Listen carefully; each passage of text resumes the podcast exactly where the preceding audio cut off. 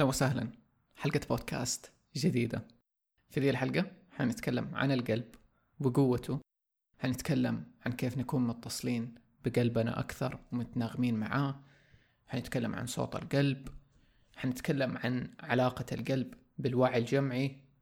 كل دي الأشياء والمزيد من التفاصيل في هذه الحلقة. فلنبدأ الآن.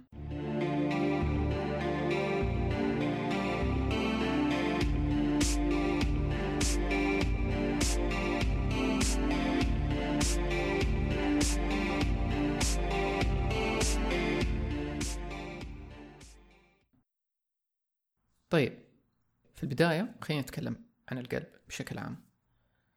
أول شيء كلكم تعرفوا إنه القلب يلعب واحد من أهم الوظائف في الجسم واللي هي ضخ الدم للجسم وتزويد أعضاء الجسم المختلفة بالدم وأهمية هذا الشيء في الدورة الدموية. كمان قلبك اليوم اللي موجود جوتك ينبض في اليوم أكثر من مئة ألف مرة. القلب كمان هو أول عضو يتكون في الجسم. منه تقريبا كل شيء يبتدي وينخلق. بس قلبك هذا إحنا قاعدين نشوفه بالصورة المادية. هو كمان يسوي أكثر من كذا بكثير وأكثر من ما تتخيل. إحنا تعلمنا دي الأشياء بس عنه. بس هو وظيفته مو بس في الدورة الدموية وضخ الدم. دي له وظائف ثانية أكثر وأهم مثلا في الفترة الأخيرة تحديدا في التسعينات العلم بيكتشف أشياء أكثر عن القلب. ففي التسعينات اكتشفوا إنه القلب عنده نظامه العصبي الخاص فيه. ما كنا ندري إنه القلب فيه له خلايا ونواقل عصبية. زيه زي العقل. يعني العقل عنده نظام عصبي ونواقل عصبية ينقل بيها المعلومات ويستقبلها. اكتشفنا إنه القلب عنده نفس الشيء. وهنا يسموه كأنه العقل القلبي لما اكتشفنا إنه هو عنده نظامه العصبي الخاص فيه. فكأنه القلب صار عنده عقل. وهذا الاكتشاف قريب. فيعني لسه الأشياء قاعدة تتعمق أكثر فيه لو لكن تتخيل يعني إنه في سنة 91 هذا الشيء خلانا نستوعب إنه القلب يقدر يستقبل ويحلل المعلومات وكمان يتخذ قرارات وكمان يتعلم ويخزن من التجارب اللي بيمر فيها زيه زي العقل ويمكن أكتر كمان. بمعنى تاني إنه تقدر تفكر بقلبك. فلما نقول دي الجملة إحنا ما بنقولها مجازيا ولا كذا تأليف. القلب من جد عنده نظامه العصبي الخاص فيه عنده عقله الخاص. والعقل والقلب في تواصل مستمر ما هم منفصلين. يعني القلب قاعد يرسل للعقل والعقل برضو قاعد يرسل للقلب والقلب بيستقبل. بس اللي بنكتشفه إنه القلب بيرسل للعقل أكثر ما إنه بيستقبل منه. فيعني في دي العملية مو العقل اللي هو مسيطر. إحنا دائما نحسب العقل هو اللي مسيطر هو اللي يسوي كل شيء هو اللي يفكر هو اللي مدري إيش.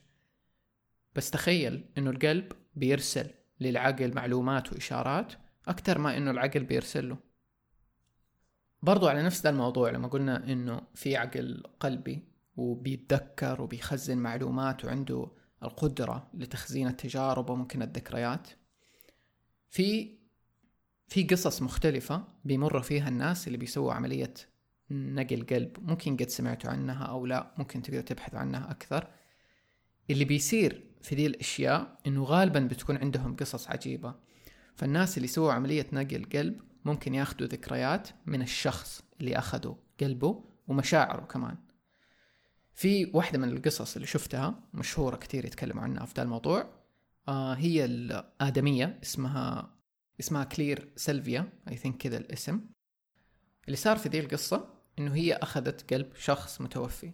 مات في حادث دباب وبعد عملية نقل القلب فجأة صار عندها شهية عالية للوجبات السريعة مطاعم الوجبات السريعة وكمان للبير تبى تشرب بير. وهي دول الشيئين ما تستهلكهم ولا تشتهيهم. فهنا كان عجيب هي ما هي فاهمة ليش. مع الوقت كان عندها فضول مرة إنه تبحث أكثر عن الشخص اللي أخذت قلبه وكذا ولما قريت القصة وكذا عرفت إنه هو كان مرة مدمن أو أكلته المفضلة كانت من مطعم وجبات سريعة تحديدا نفس المطعم اللي هي تشتهيه وعرفت إنه كان يشرب بير كثير كل دي الأشياء اللي هي كأنها أخذتها منه نفس المشاعر اللي كان عنده نفس الذكريات اللي كان قلبه بيشتغل بيها. هذه واحدة قصة بحط رابط ليها كمان في وسط الحلقة اللي يبغى يبحث فيها أكثر. في قصة برضو تانية مشهورة لبنت صغيرة أخذت قلب بنت ثانية ميتة. وهذه البنت اللي أخذت قلبها لأنه هم الاثنين صغار ماتت في جريمة قتل بس ما حد كان يعرف الجاني وكيف تفاصيل الجريمة.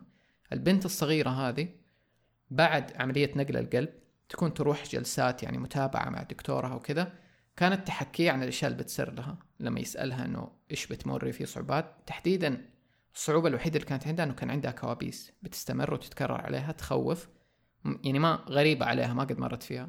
الكابوس ده تحديدا كان إنه هي تكون في الغابة وفي شخص بيجري وراها وبعدين يا إنه بيطعنها يا إنه طريقة القتل اللي كان بيقتلها فيها. كانت تحكي ذا الكابوس إلى ما حولها الدكتور لطبيب نفسي وقاعد تتكلم معاه أكثر. وبدأوا يلاقوا ترابط.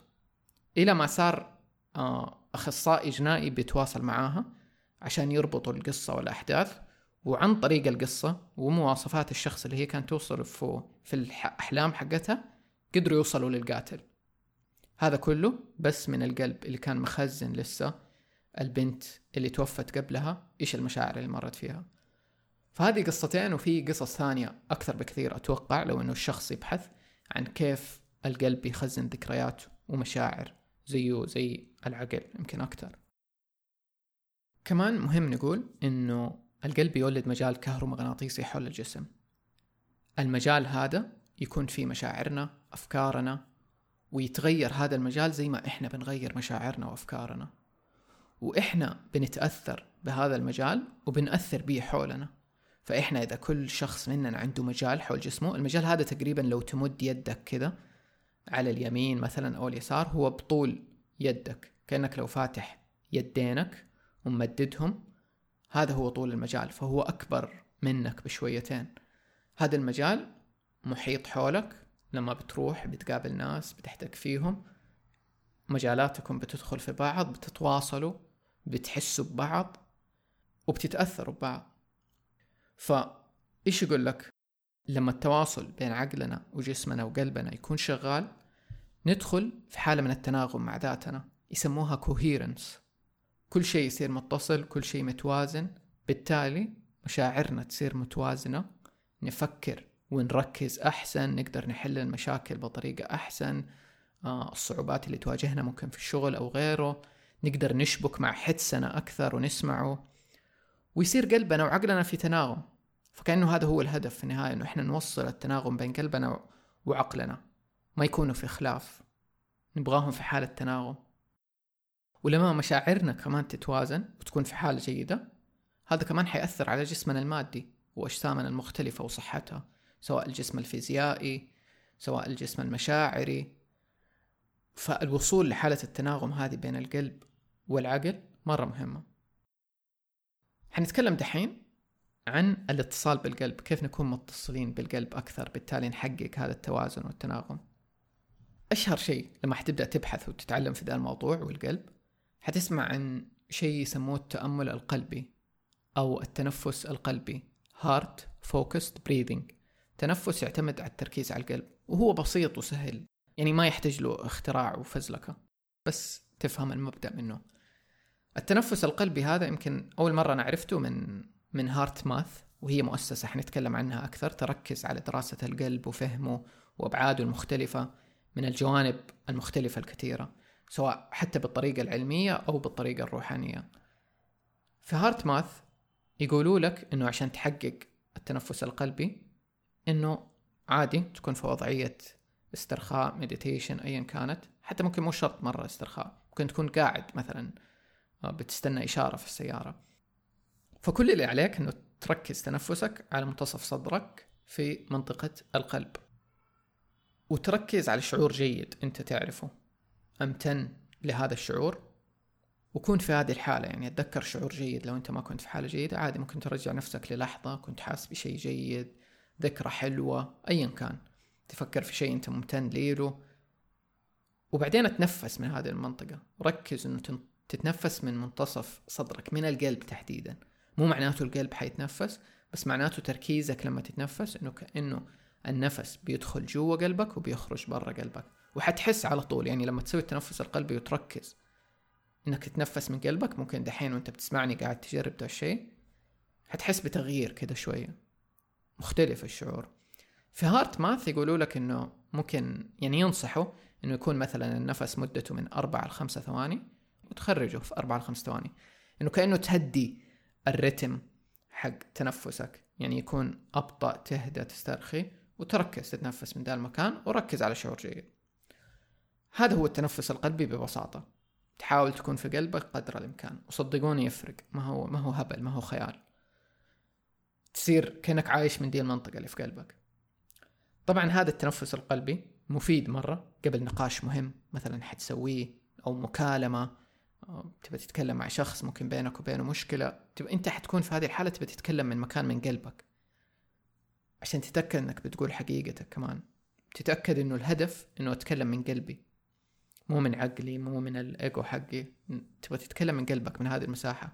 لما تيجي من هذه المساحة تكون في هذه المساحة كل شيء حيتغير. لأنه زي ما قلنا أنت حولك المجال هذا اللي بيأثر بالناس وحتى أنت شخصيا حيأثر عليك على أفكارك على الكلام اللي بتقوله.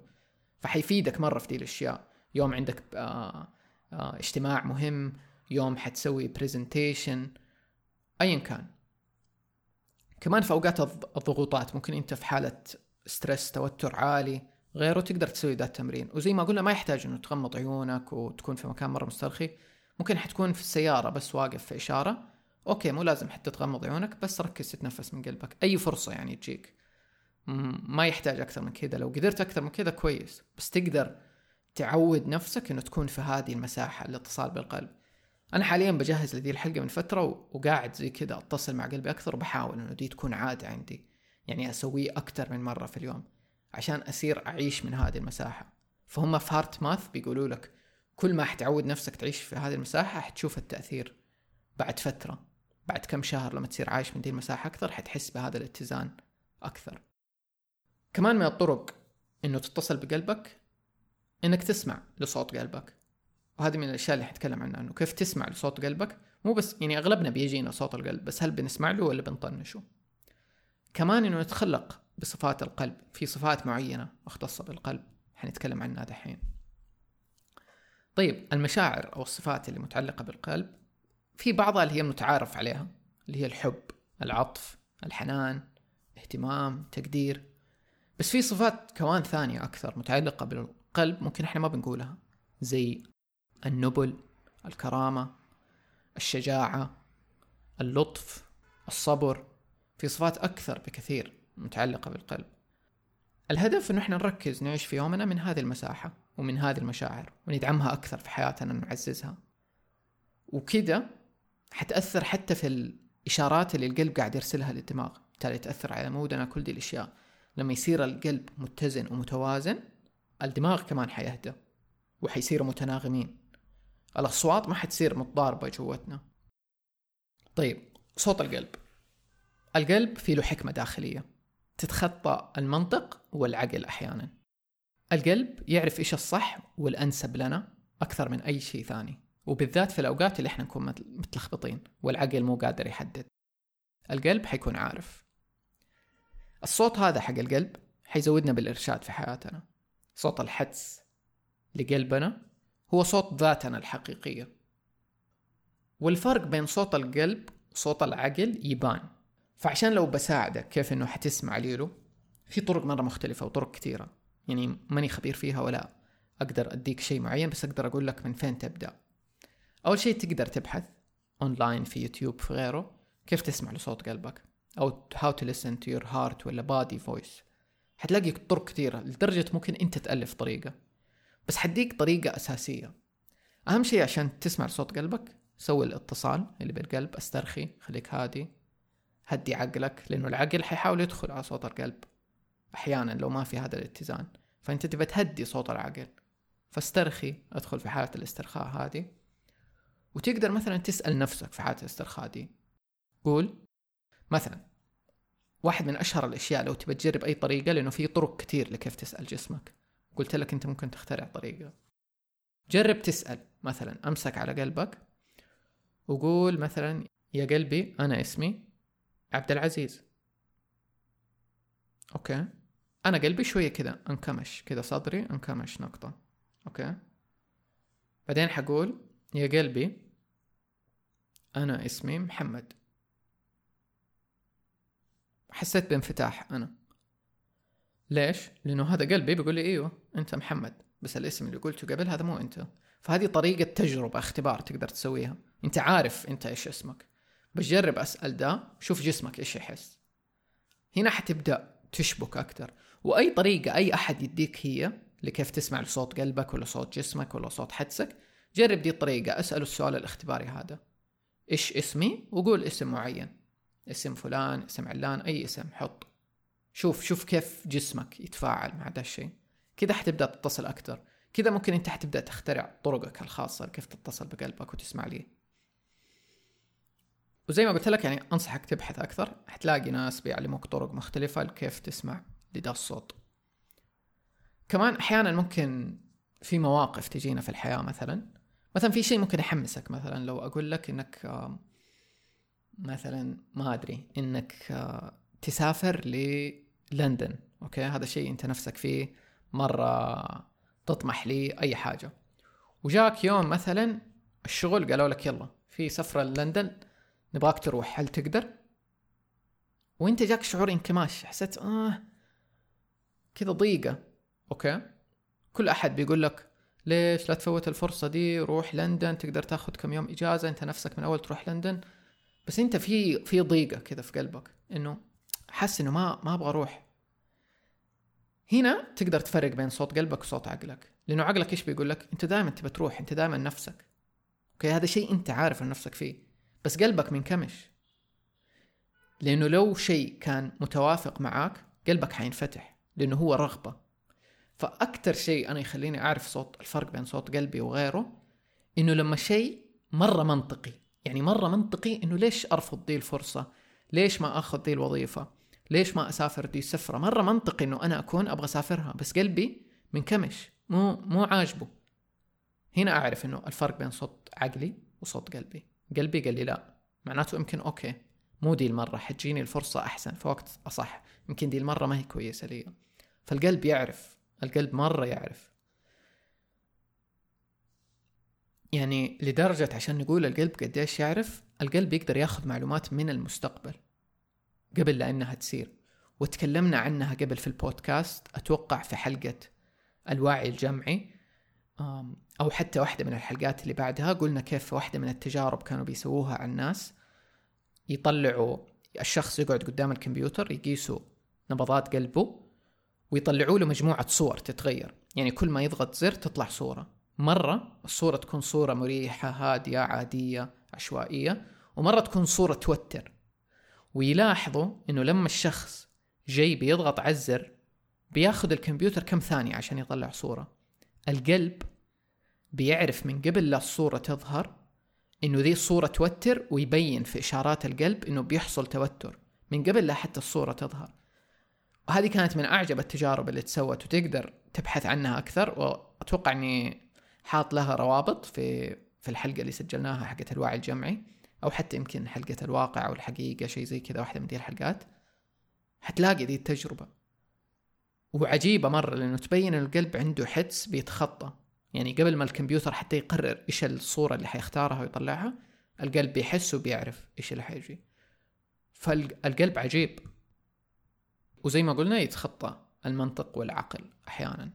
عشان كذا أحيانا نحتاج نسمع لدا الصوت ونترك الأشياء التانية بالذات في ذي اللحظة لما نحس إنه it doesn't make sense مو منطقي بس قلبي يقول لي كذا. أنا مرة أثق لما يجيني ده الشعور. ممكن كل أحد يقول لك شيء بس قلبك يقول لك شيء ثاني.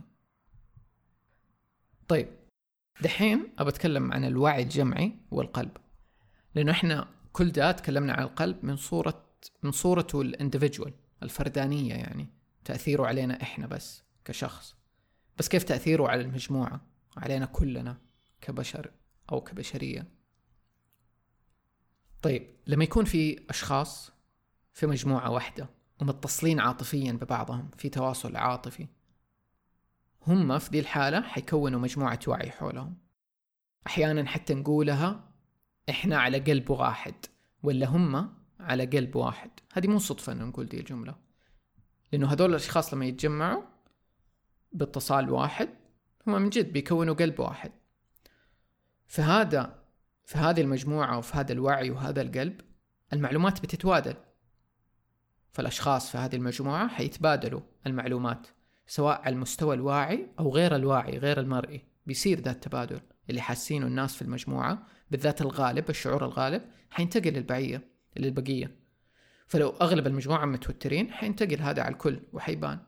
لو المجموعة دي متناغمة سواء هي كانت أسرة أصحاب شغل أيا كان ممكن حتى فريق كورة فريق رياضي مجموعة بيلعبوا. لو كانوا بيلعبوا على قلب واحد التناغم والاتصال بينهم والتفاهم حيكون على مستوى تاني تماما. في تجربة في HeartMath سووها كانت للأشخاص اللي بينطوا بالباراشوت. لو تعرفوا لو قد شفتوا ناس اللي ينطوا من الطيارات ويمسكوا أيادي بعض في السماء يسووا دائرة حولهم كان في مجموعة عندهم هدف إنه يوصلوا يكسروا رقم قياسي خمسين شخص أتوقع ماسكين أيادي بعض في السماء. وفي دي التجربة موثقة. ما هم قادرين يسووها. أوكي؟ كل مرة يجي يسووها صعب. إنه كل دول الأشخاص في السماء تبغاهم يتصلوا ويمسكوا يد بعض في نفس الوقت يسووا دي الدائرة الكبيرة. لما جربوا التنفس القلبي والاتصال بقلبهم كلهم كمجموعة. من أول مرة بعدها قدروا يسووا هذه الدائرة وكسروا الرقم القياسي اللي هو أتوقع فوق خمسين شخص. ومصور وموثق ذا الشيء وتقدر تشوف حتى آه، رأيهم هم يتكلموا عن ده تحديدا في في سلسلة حلقات ل HeartMath اسمها The HeartMath Experience موجودة على جاية أنا شفتها. تتكلم عن القلب والاتصال بالقلب. بحط رابط ليها كمان. هذه توري كيف إنه نجح في دي التجربة وكانوا الأشخاص إيش يقولوا؟ يقولوا إنه صار لما صرنا في هذه المساحة ركزنا على قلبنا قدرنا نتواصل نتناغم. يقولوا حتى أول ما نقزنا من الطيارة كل شيء كان هادي كل شيء كان متصل كل أحد كان عارف إيش المفروض يسووه لأنه في انسجام مرة عالي. فهذا المثال تقدر زي ما قلت لك تاخذه وتطبقه على كل شيء في عائلتك مع أصحابك في ممكن فريق العمل اللي أنت شغال فيه سواء في الشغل في فريق كورة في أي مشروع يعني ممكن تشتغل معه توحيد الأشخاص على قلب واحد مرة شيء مهم. فممكن حتى أنت تدخل ده الشيء لما تكون مع مجموعة ومتوترين وكذا تقدر تهديهم بأنه تركزوا كلكم مع بعض تتنفسوا مع بعض تتصلوا تقوي ده الاتصال. طيب هذا ال... هذا الوعي اللي بيتكون نقدر نقيسه اليوم عن طريق الأجهزة. يعني في أجهزة مختصة بقياس القوة المغناطيسية حوالين الأرض تحديدا هارت ماث اليوم قاعدين يسووها حاطين أجهزة في أماكن مختلفة من العالم عشان يقيسوا الوعي الجمعي حق كوكب الأرض. ويبان في أجهزتهم كيف الوعي الجمعي حاليا. بان مثلا في يوم 9/11 أحداث 11 سبتمبر. بان إنه قبلها بيوم أتوقع أو شيء قبلها بساعة. بان التوتر في الجهاز إنه في شيء. نفس التوتر اللي بان لما يصير حدث. كبير حوالين الأرض زي زلزال أو بركان في منطقة معينة. بان هذا في الأجهزة لأنه الوعي الجمعي لقط من قبل إنه حيصير. تكلمنا هذه عنها أكثر بالتفصيل في حلقة الوعي الجمعي وحطينا مصادر ليها. فهذا الشيء اليوم موجود نقدر نقيسه. فزي ما قلنا اللي بنفكر فيه ونحسه إحنا بنشاركه في هذا المجال كمان مجال الأرض مو بس حولنا. في المجال هذا اللي متكون كلنا متصلين فيه. وإنه أهم شيء من كل ده إنه إحنا ما إحنا لحالنا. في كل ده يعني إحنا نحس بنا لحالنا. ترى كلنا متصلين كلنا بنتأثر وبنأثر في بعض. ممكن شخص واحد في مجموعة متصل بقلبه وقاعد يوزع دي الطاقة يغير المجموعة دي كاملة وممكن برضه إنه يتأثر فيها. فمهم يعني ممكن الهدف اليوم إننا نعيش من دي المساحة من قلبنا كلنا نمشي من هذا المكان في الحياة. بالتالي حنغير كل شيء. طيب كمان من الأشياء اللي كنت بتكلم عنها اللي هي إرسال الحب. فيقول لك إنه الحب أو طاقة الحب هي طاقة شفائية. فالحب أكثر من شعور. الحب هو تيار طاقي ينحس.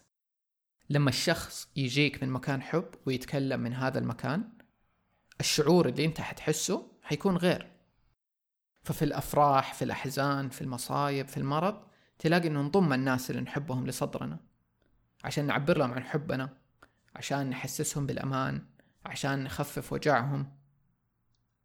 و... وفي حتلاقي ناس مختلفة تقول لك تمارين مختلفة لكيف ترسل طاقة الحب دي. مثلا لو أنت زي كذا تبي ترسلها لشخص تعبان مريض بينك وبينه خلاف ممكن. في تمارين مختلفة مرة كثير فيها فزلكة فيها اختراعات بس هي غالبا بسيطة. يعني ما في تمرين محدد. في تمرين تحديدا في موقع إيميل سمعان اللي أنا أحبه دائما أحط له لينكات. بحطه في وصف الحلقة لو تبغى كذا بالتفاصيل. بس حقول لك بصفة عامة هي دائما نفس الشيء. حتتصل بقلبك تكون في دي المساحة مساحة الحب اللي من قلبك اللانهائية. أنت تحس الحب جوتك وتقدر تتخيل هذا الشخص اللي أنت تبي ترسل له طاقة الحب دي. تتخيل إنه طاقة الحب دي بتصدر منك بتوصل له وبيستقبلها بكل حب وأمان. وتترك له الخيار حتى إنه يستقبلها يمكن هو ما يبي يستقبلها. وبس يعني تمسك الشخص هذا في وعيك بدي نية بدي رؤية. تبي تتعمق زيادة حتلاقي شوف تمارين إرسال طاقة حب غيره حتلاقي وشوف اللي أنا بحطه. كمان في تقنية الهوبونو بونو اللي يعرفها تقدر تلاقيها برضو لو تبحث في يوتيوب هوبونو بونو ممكن أحط ليها link لأنه ممكن تكون الكلمة صعبة للي ما يعرفها. بحط ال link ليها في اليوتيوب كذا هي تمرين بسيط إنك مثلا لو تبغى تسامح شخص يعني التسامح تحديدا بس أنا أحسها تسوي نفس المفعول من الحب أو إرسال الحب. إنه تتخيل الشخص هذا اللي أنت تبغى تتصل معاه أو تبغى تسامحه وتقول ذي الكلمات. أنا آسف سامحني أحبك شكرا. I'm sorry please forgive me I love you thank you. التمرين هذا السحر على بساطته وعلى كيف إنه ممكن ناس تانية تشوفه تافه أو غيره سحري وتقدر تقرأ عنه أكثر وعن تفاصيله وكيف جاء وقصته عشان يعني يسحرك أكثر. بس هو تمرين مرة مفيد إنه تسويه في أوقات زي كذا. أوقات تبى تتصل مع أحد قلبيا أو تبى تسامح أحد تبى ترجع لذا الصوت. فتقدر تبحث عنه. تقنية هوبونو بونو بحط ليها link آه، في وصف الحلقة. طيب آخر شيء يعني عشان نلخص كذا في نقاط اللي تكلمنا عنه في دي الحلقة. أول شيء القلب مرة موضوع كبير في له تعمق أكثر هو أكبر من أي شيء زي ما قلنا هو أول عضو في الجسم وهو اللي تبدأ منه أي شيء نبغى نخلقه هو بيجي من دي المساحه من القلب. ففي له تعمق وفي له علوم وفي له معرفة وحكمة كثيرة لسه. فأنا ححط مصادر وأشياء كثيرة ممكن تبحث عنها. في كتاب مرة رهيب اسمه Living in the Heart لدرانفالو بحط اسم الكتاب في وصف الحلقة. تقدر تلاقي في في مصادر مرة كثير عشان تبدأ تعرف عن القلب أكثر. فلما نقول القلب مصدر الحكمة والمعلومات هذه ما هي رمزية. اليوم HeartMath مؤسسة زي HeartMath قاعدين يثبتوا لنا هذا الشيء. حرفيا هم متخصصين في دراسة القلب وتفاصيله والبحث فيه أكثر وكل الأمور اللي تخص كيف نتصل أكثر بقلبنا. وبحط روابط الموقع حقهم تقدروا تعمقوا فيه له أكثر فيه له يعني مصادر ومعرفة بالهبل أنا لسه ما غصت فيها. خلي اليوم قلبك هو اللي يقودك في يومك ويساعدك تتخذ القرارات الصحيحة اللي ما تندم عليها اللي ما تقول بعدين آخ يا ريتني سمعت قلبي. وما تخلي عقلك ولخبطة الأفكار تأثر عليك. فكل ما تحس بلخبطة تشتيت أفكار كثيرة حايس طب أوكي جرب أرجع وحدة واتصل بقلبك شوف يمكن قلبك عنده حكمة. كثير هذا الشيء أنا أذكر نفسي يعني إلى اليوم أنا لخبط أحوس الأفكار تسحبني عقلي يسحبني. بس حاول أذكر نفسي أرجع أتصل بقلبي. فإحنا في كل دي التجربة بنحاول لسه بنسعى إنه نتصل أكثر. فمو كله من يوم واحد مو كله بسرعة. فحنسامح نفسنا لما أحيانا ننسى. ونتذكر إنه نرجع نتصل لقلبنا ونخليها عادة إنه نحط هذا الشيء. ممكن أول ما نصحى من النوم نتذكر إنه نتصل بقلبنا شوية نقعد مع قلبنا بعدين نبدأ اليوم. لما نتوتر لما نحس بستريس كثير ضغوطات نتذكر نرجع لقلبنا. في أشياء نقولها بدون ما ننتبه. يضحك يعني قديش. زي مثلا نقول حط قلبك فيه. لما تسوي شيء حط قلبك فيه. أو سويه بكل قلبك. أو من قلبك سويه. أو هل هذا الكلام من قلبك أنت بتقوله. هذه الأشياء إحنا ما بنقولها صدفة. حتى لما لما تيجي تعرف عن نفسك غالبا مثلا حقول أنا محمد وحخبط على صدري كذا حأشر على صدري وحخبط عليه. لأنه إحنا بنعرف عن نفسنا من مكان القلب ده. فلما احد يقول لك أنت فين؟ أنت حتقول أنا هنا حتأشر على دي المنطقة من صدرك لأنه أنت هنا في قلبك. ففي أشياء كثيرة توضح اتصالنا بقلبنا سواء في ثقافاتنا في غيره حتلاقي إنه ده الشيء متجذر بس إحنا نسيناه ترى. يعني إحنا حتى السقطة في الوعي ولما نسينا كل ده إحنا كأننا خرجنا من مساحة القلب وصرنا في مساحة العقل. ودحين راجعين دحين بنصحى دحين بنتصل أكثر بنوعى أكثر قاعدين نرجع لمساحة القلب. عشان نكون في توازن فيها وتناغم معاها. اتصالك بقلبك مع الوقت حيبدأ يغير يومك وتجربتك للحياة. حتصير تسمع وتتصل أكثر بذكاء وحكمة قلبك. هذا من الأهداف اللي إحنا نبغاها. ولما كلنا نجتمع ونتصل بقلبنا ونعيش من هذا المكان حتى حنسرع وحنقوي عملية الاتصال والوعي والحكمة اللي حنوصل لها كلنا. هذا كانوا يتكلموا عنه هارت ماث إنه إحنا دحين كأنه مستوى البشرية ولا وعي البشرية موصل نقطة معينة. كل ما حيصير في ناس أكثر بيعيشوا من منطقة قلبهم حنتصل بمراحل أعلى من الوعي وحنجيب حكمة أعلى لكل الوعي الجمعي. حتطلع علوم أكبر حتطلع حكمة أكثر كل دي الأشياء حتبدأ تزيد. فالهدف هو جمعي والتأثير الجمعي ده حيرجع للفرد كمان. فهي دائرة اللي حنعطيه حيرجع لنا. يحمس مرة الكلام عن القلب. أم يعني دي القلب دي القلب. دي الحلقة. مرة ركزت إنه أسويها من مكان في قلبي يعني هذه كانت النية أبغاها تيجي من مكان من قلبي وأتمنى إنها توصل لقلبك وتحمسك تتصل بقلبك أكثر وتلاقي ذا الاتصال لأنه كل شيء غير لما تحسه من قلبك. أنصحك مرة تشوف الروابط اللي بحطها في وصف الحلقة لأنه أنا أصلا حاسس وأنا بسجل دي الحلقة إنه مو كفاية مرة في أكثر بكثير. فهذا بالنسبة لدي الحلقة. أبغى أشكر كل أحد بيكتب reviews لشطحة على Apple Podcast أو غيره. شكرا لهدى مرام غلا دينا وخالد. شكرا لكم كلكم لكل أحد بيكتب review بيساعد إنه ينشر ذا البودكاست ويعطيه لناس أكثر يعرفوا عنه. هنا غادة مثلا في واحد من ال reviews بتكتب مرة حبيت حلقة التحكم بالأحلام قدرت أطير في حلمي بعد الحلقة. سجلوا حلقة ثانية وسولفوا عن الموضوع وإيش تحديثاتكم فيه صراحة مرة ممتع. يبسط إنه في ناس كثير بيرسلوا لي آخر فترة عن حلقة التحكم بالأحلام فيبسط إنه في أحد قدر يتحكم بحلمه ويطير. لو ما قد سمعت دي الحلقة أنصحك فيها حلقة التحكم بالأحلام من الحلقات الأولى في البودكاست والرهيبة. سجلتها مع جنى. طيب حتلاقي في وصف الحلقة كمان رابط حساباتي وموقعي. أنا تحديدا موجود على إنستغرام أكتر شيء حسابي كاش اندرسكور ألوها وكمان في حساب لبودكاست شطحة على تويتر أحيانا أشارك فيه. تقدر تلاقي هناك باقي التفاصيل. و نراكم في الحلقات القادمة. مع السلامة.